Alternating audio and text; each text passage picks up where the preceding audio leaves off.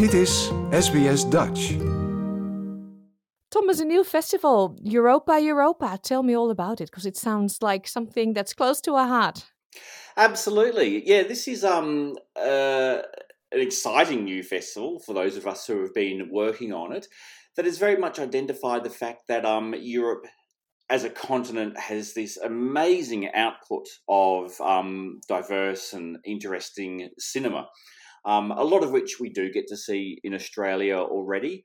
But it tends to be either at sort of those festivals that focus on just one country or some of the bigger festivals where stuff might get sort of lost in the mix as you try to see everything, um, or the films just go to maybe a streaming service. So we really wanted to celebrate Europe as a whole because there is sort of an idea of European cinema and, and sort of what, what that means, but also it's a really diverse continent as well. So we, we wanted to make sure that all the major countries were represented, but we also represented a lot of those smaller countries who make films that you often don't get to see in Australia at all. Mm-hmm. Yeah, because we all know the French movies. Um, I think the Scandic movies and, and series are also pretty um, uh, common. You can you can see them. The Bridge is a great example for a series from Scandinavia. Mm. But I see Bulgaria, I see Serbia. There is a lot of um, different countries. I'm a bit disappointed I don't see the Netherlands. I know. well, I we will discuss this later. I tried. I tried. tried. yeah, yeah. So how do you select all these movies? Well, there's a few approaches. We we look at um, films that are premiering internationally at the very big festivals. So festivals like the Berlin International Film Festival and the Cannes Film Festival, um, which are festivals that already are very well represented in Australia. Some of the bigger film festivals are positioned to really capitalise on those films. But we we part of the timing for our festival is also to really capitalise on the films that have their world premiere at the Venice Film Festival and the Toronto International Film Festival, which happened late in the year. So we looked at those festivals. We also looked at some of the smaller ones like Locarno in uh, in Switzerland, which has a really great um, uh, European focus.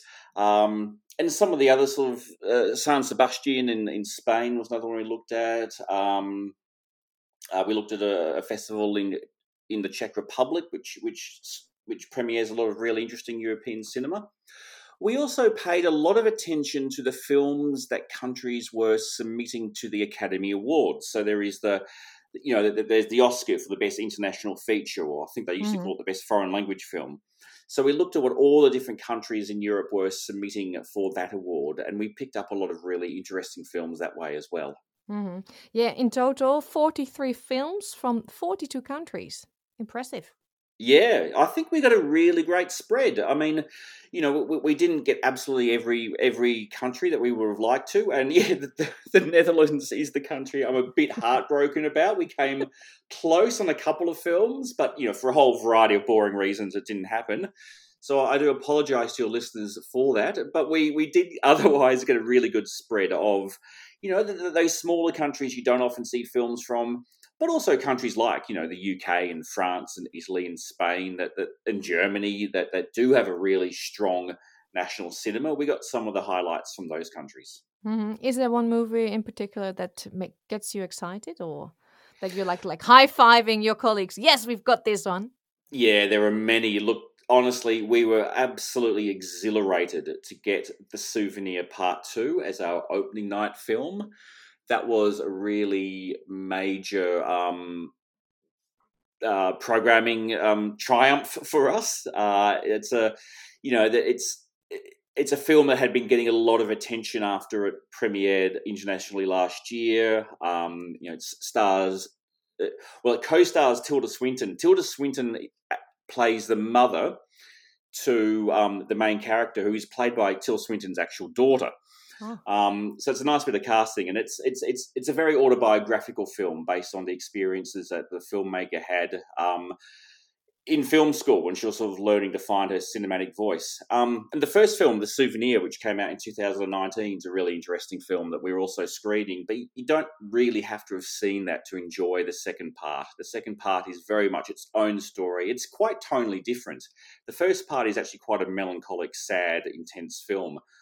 Um, about a really toxic relationship that this young woman had, while the second film is set past that as she sort of starts to express her life through her art. Um, and that involves having some really uh, funny encounters with some very egotistical um, young filmmakers who she she meets along the way. So you know, but, and Richard Ayoade plays one of these filmmakers, and he sort of steals every scene he's in. So yeah, we are really really excited. We got that one. It's going to be a great opening night film. Mm-hmm. People can visit uh, uh, cinemas in Sydney, in Randwick, and also in Melbourne, Elsternwick and Hawthorn. Uh, that's correct. Yes, so it's it's the Ritz in Sydney, um, and in Melbourne it's the Lido and the Classic. Yeah, is it also possible to watch online? No, we're doing exclusively in cinema events this time. Um, I think screen uh, screening films online really has a, a place and it's been a really good thing, especially during the pandemic and improving access. But for us, we wanted to focus on the cinema experience. Now that people are, you know, getting fully vaccinated and um, and, and getting their children vaccinated, I know that was one of my fears about going to the cinema. You know, that, that my son hadn't had his first shot yet, but you know, I think now that people are more confident to go out and do events together, that they, they want that cinema experience. Um, so that, that's what we want to deliver, and also recognizing the fact that these films very rarely get shown in a cinema. So, mm. so yeah, we, we we wanted to make this a cinema event. Yeah, it starts this Friday, the fourth of Feb. Yeah, and it runs for three weeks, right?